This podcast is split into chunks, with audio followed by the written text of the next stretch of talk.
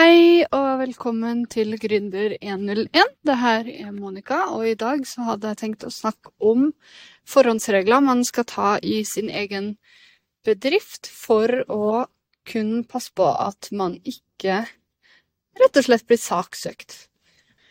Det er jo sånn at eh, når du har din egen bedrift, eh, så er det ikke sånn at vi går rundt og er ute etter å saksøke hverandre. Det er jo egentlig ikke det er, jo, det er jo ikke så særlig vanlig, tenker vi, da, å eh, bli saksøkt her i Norge. Det er jo mer og mer vanlig i f.eks. USA og sånn, hvor det er en sånn stor tradisjon i å saksøke hverandre, føler vi.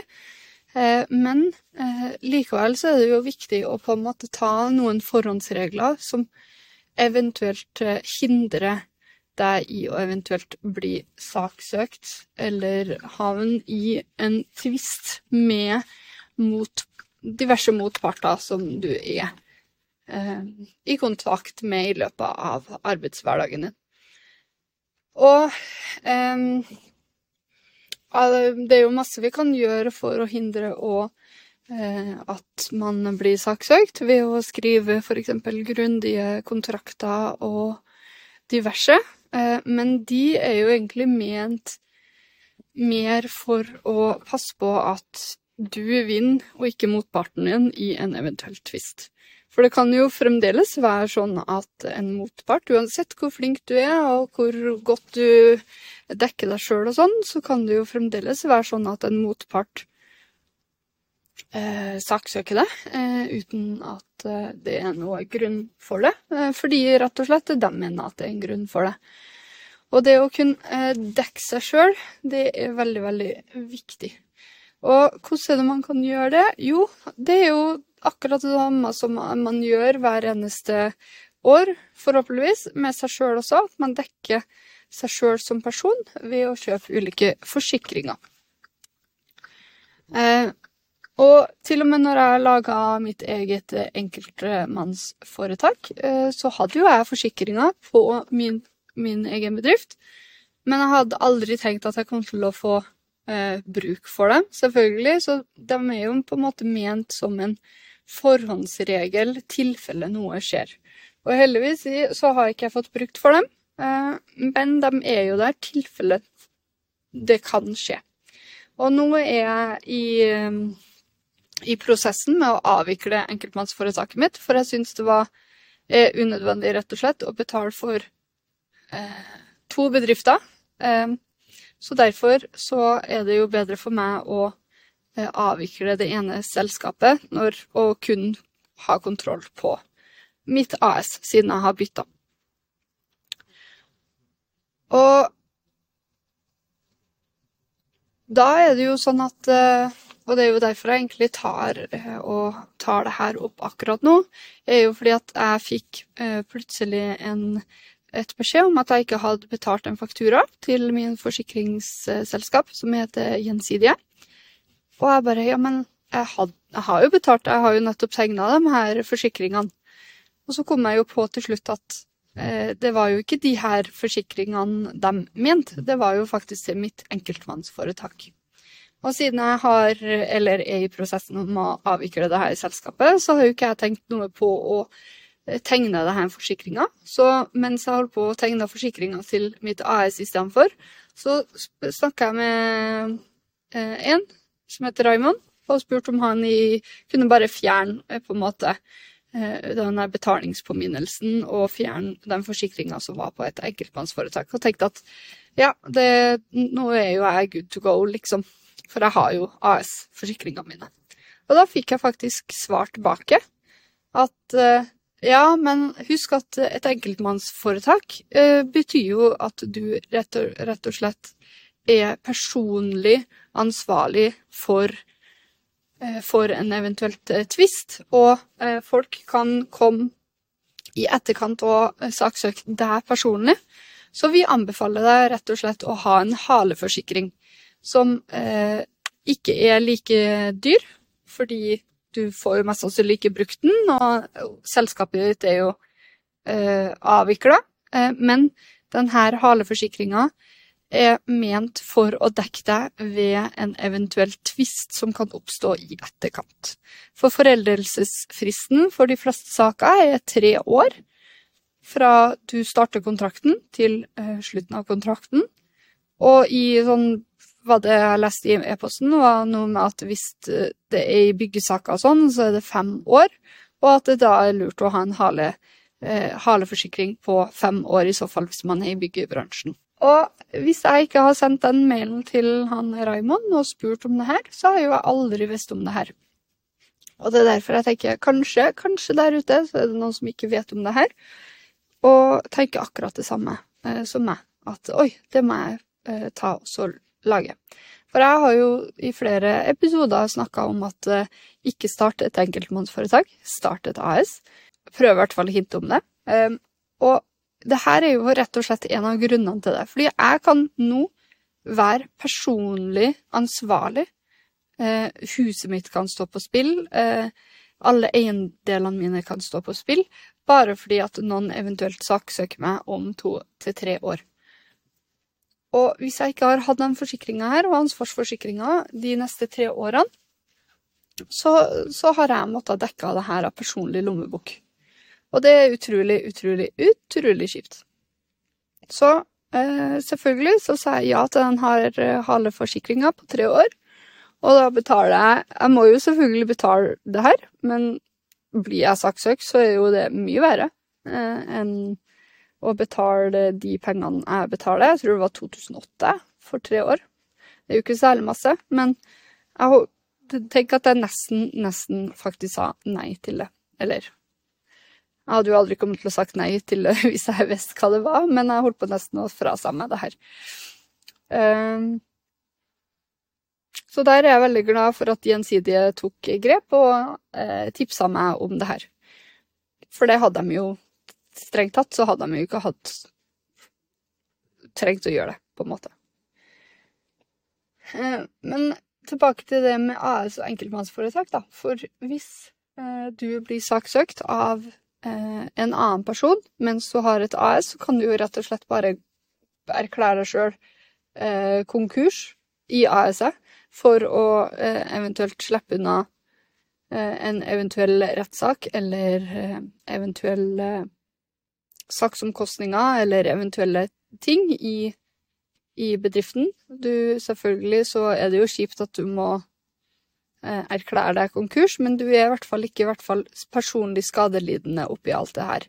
Mens med et eh, enkeltmannsforetak så er du rett og slett personlig skadelidende og ansvarlig for eh, for det den andre personen mener at du er ansvarlig for. Så ta et eksempel, da. Hvis jeg nå har eh, starta et eh, enkeltmannsforetak og er lege, for eksempel, fordi alle legesentre består jo av et aksjeselskap. Eh, og som lege så må du jo da fakturere de her aksjeselskapet for de ulike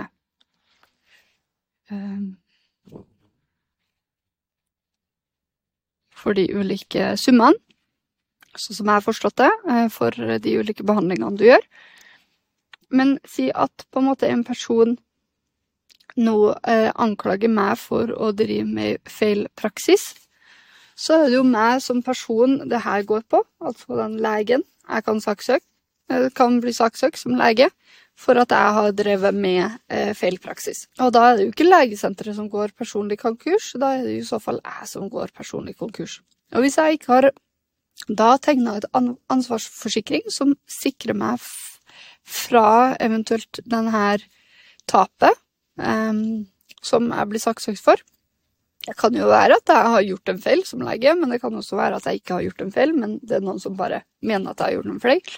Men hvis jeg uansett blir eh, dømt i tingretten for feil praksis, så kan, må jo jeg eh, dekke saksomkostningene både for meg sjøl og for den andre parten, i tillegg til en eventuell erstatningssum som eh, jeg må eh, gi til den andre personen, da, den fornærmede.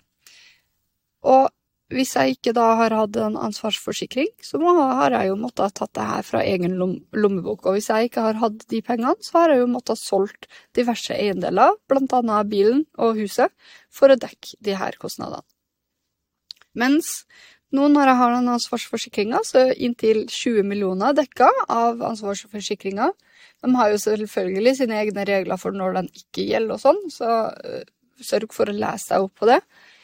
Men Eh, da må jeg i verste fall betale en egenandel på 30 000 istedenfor å måtte betale hele summen. Så hvis jeg blir saksøkt for en million, da, så må jeg dekke 30 000, og så må forsikringsselskapet dekke resten.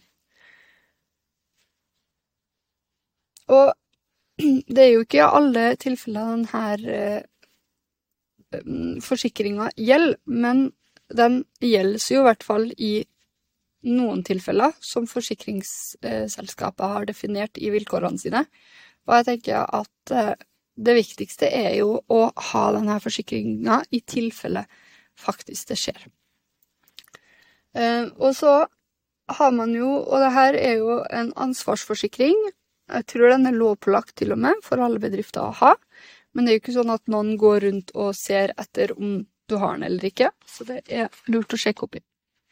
Men bare nevn nok en gang det med enkeltmannsforetak og aksjeselskap.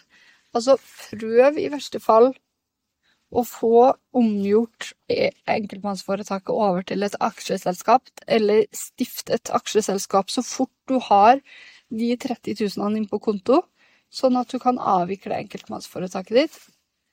I, i, i verste fall fordi at du kan eh, rett og slett havne i en sånn her stor ulempe. Mm. Og selvfølgelig så finnes det jo andre forsikringer man kan også legge til. Eh, I enkeltbladsforetaket mitt så hadde jeg kun ansvarsforsikring, mens eh, i AS-et mitt så har jeg også lagt til enkelte andre ting. Så her har jeg, siden jeg nå er ansatt i aksjeselskapet mitt, så har jeg yrkesskadeforsikring. Og så har jeg rett og slett en behandlingsforsikring også, siden jeg er leder. Eh, så hvis det skjer noe med meg som person, eh, si at jeg brekker foten f.eks., så får jeg behandling for å komme meg fortere tilbake til jobben min, på en måte, fordi at jeg er lederen i selskapet. Yrkesskadeforsikring gjelder for alle ansatte du har i selskapet. Og så har jeg kjøpt eh, rettshjelp, rett og slett. I eh, tilfelle det skjer et eller annet eh, i selskapet med kontrakt og sånn. Og så har jeg kjøpt, eller jeg har vurdert å kjøpe fritidsforsikring, for det kunne man legge til. Og jeg tror kanskje jeg har kjøpt den. Usikker. Men det er kanskje noe man kan eventuelt eh, vurdere. Da er det sånn at alt som skjer utafor Eh, de fire veggene i huset ditt. Det blir kalt for fritid. Henter du post i postkassa, eksempel, så går det på fritidsulykke. Og du snubler og sklir på isen, eksempel, så er det fritidsulykke. Og um, så var det noe annet jeg vurderte å ha, og det er cyberforsikring. Sånn at cyberforsikring dekker deg i tilfelle du blir hacka, eller noen eh, Ja, rett og slett hacker bedriften din, og eh, gjør til at du sliter med å få tilbake informasjonen din og sånn, så kan eh, Gjensidige eller Sparebank1 eller hvilken som helst forsikring som du velger, de kan hjelpe deg med å prøve å få tilbake eh, verdiene dine, da. Eh, de digitale verdiene dine. Så den vurderte jeg også å ha. Eh, den var mer attraktiv for meg, egentlig, hvis det har gjeldt alle kundene mine også. men, eh, men, jeg tenker eh, for folk som driver med digitale tjenester og utvikler dem, f.eks., så er det jo en no-brainer at man må ha en sånn en. Men at hvis jeg utvikler et eget digitalt produkt som er Som gjør meg Som jeg tjener penger på, på en måte, eh, så har jeg villet kjøpe dem. Så med en gang det handler om noe man tjener penger på, eh, så burde man forsikre det. For hvis du um, har laga en tjenesteplattform, da, en software as a service-plattform, og du blir hacka, så er det jo veldig viktig da at uh, denne plattformen kommer fort opp igjen for at du kan fortsette å tjene penger. For hvis du tar Si at du tar 200 kroner da, på det du, hva enn du selger på denne plattformen, og du får 100 kunder hver dag, så er jo det 20 000 kroner du får hver eneste dag på de her kundene. Og hvis denne nettstedet blir da hacka, og du taper de 20 000 her hver dag fordi at noen har tatt ned nettstedet ditt, så taper jo du de her pengene. Og jeg tror cyberforsikringa koster sånn 1800 i måneden, nei, 1800 i året. Det spørs litt på hvilken type bedrift du har, men hvis du har f.eks. det, så er jo det selvfølgelig en no-brainer at man kjøper den cyberforsikringa. Og så fantes det også en del andre forsikringer man kan se på, og det her må man jo nesten se ut ifra sin egen bedrift og eh, hva man leverer i den bedriften. Men det å ta en dag og se på, innhente ulike tilbud fra f.eks. Jeg henta inn fra Sparebank1 Trygg og Gjensidige, men jeg henta ifra. Og det å bare innhente tilbud, eh, sette seg ned og se hva de ulike tilbudene koster, og hva de innebærer, og ta et valg, det eh, anbefaler jeg så absolutt. Mine forsikringer totalt ble vel på sånn mellom 6000 eller 8000. Og det er sånn ca. 500-lapp i måneden. Og det er noe enhver bedrift kan koste på seg. Til og med i startfasen. Og det kan sikre deg for et ekstremt mye hodebry i senere tid. Det skal også sies at uh, hvis du er et enkeltmannsforetak, så kan det være noen forsikringsselskaper som dekker, hvis du på en måte blir saksøkt, da, at eh, det er noen eh, forsikringsselskap som dekker eh, rettsgebyrer og sånn på Hva heter det? På, på innboforsikringa. Så sjekk gjerne også opp i det. Og sjekk gjerne opp om du har innboforsikring. Jeg tror ikke det faktisk blir dekka på husforsikringa, men på innboforsikring. Så hvis du har husforsikring, så trenger du jo teknisk sett egentlig ikke innboforsikring. Men eh, det kan være noen fordeler der med en innboforsikring. Så hør gjerne med banken din, der du har forsikringa der, om hva som husforsikringa dekker som og hva innboforsikringa dekker, og hva som er forskjellene mellom de to, eventuelt. Og spør gjerne eh, at Si gjerne at du har stifta et, et enkeltmannsforetak og lurer på om forsikringa di rett og slett eh, dekker hvis du eventuelt blir saksøkt. Og så skal det jo sies da at uh, i tillegg til å ha forsikringer, så er det jo best å garantere seg for, fra å bli saksøkt av ulike Eller at det oppstår tvister med uh, klientene dine eller noen andre.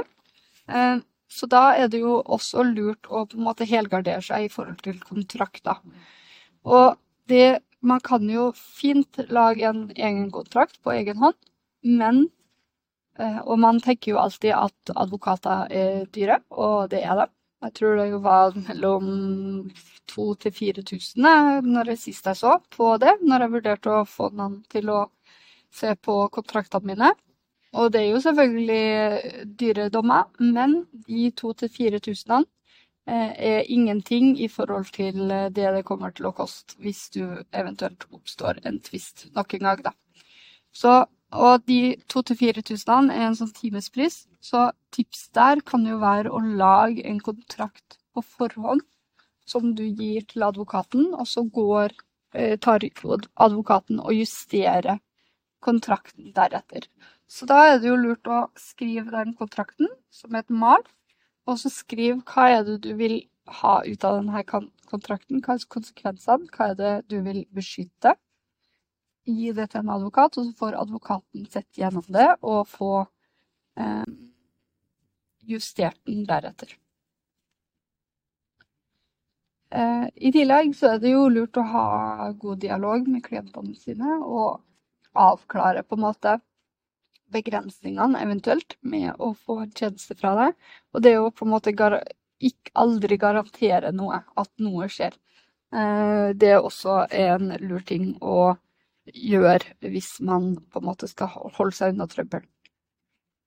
Eh, man vil jo alltids love litt mer enn det man kanskje nødvendigvis greier å oppfylle i begynnelsen, rett og slett fordi at man kanskje ikke har innsikt nok i hva arbeidet innebærer.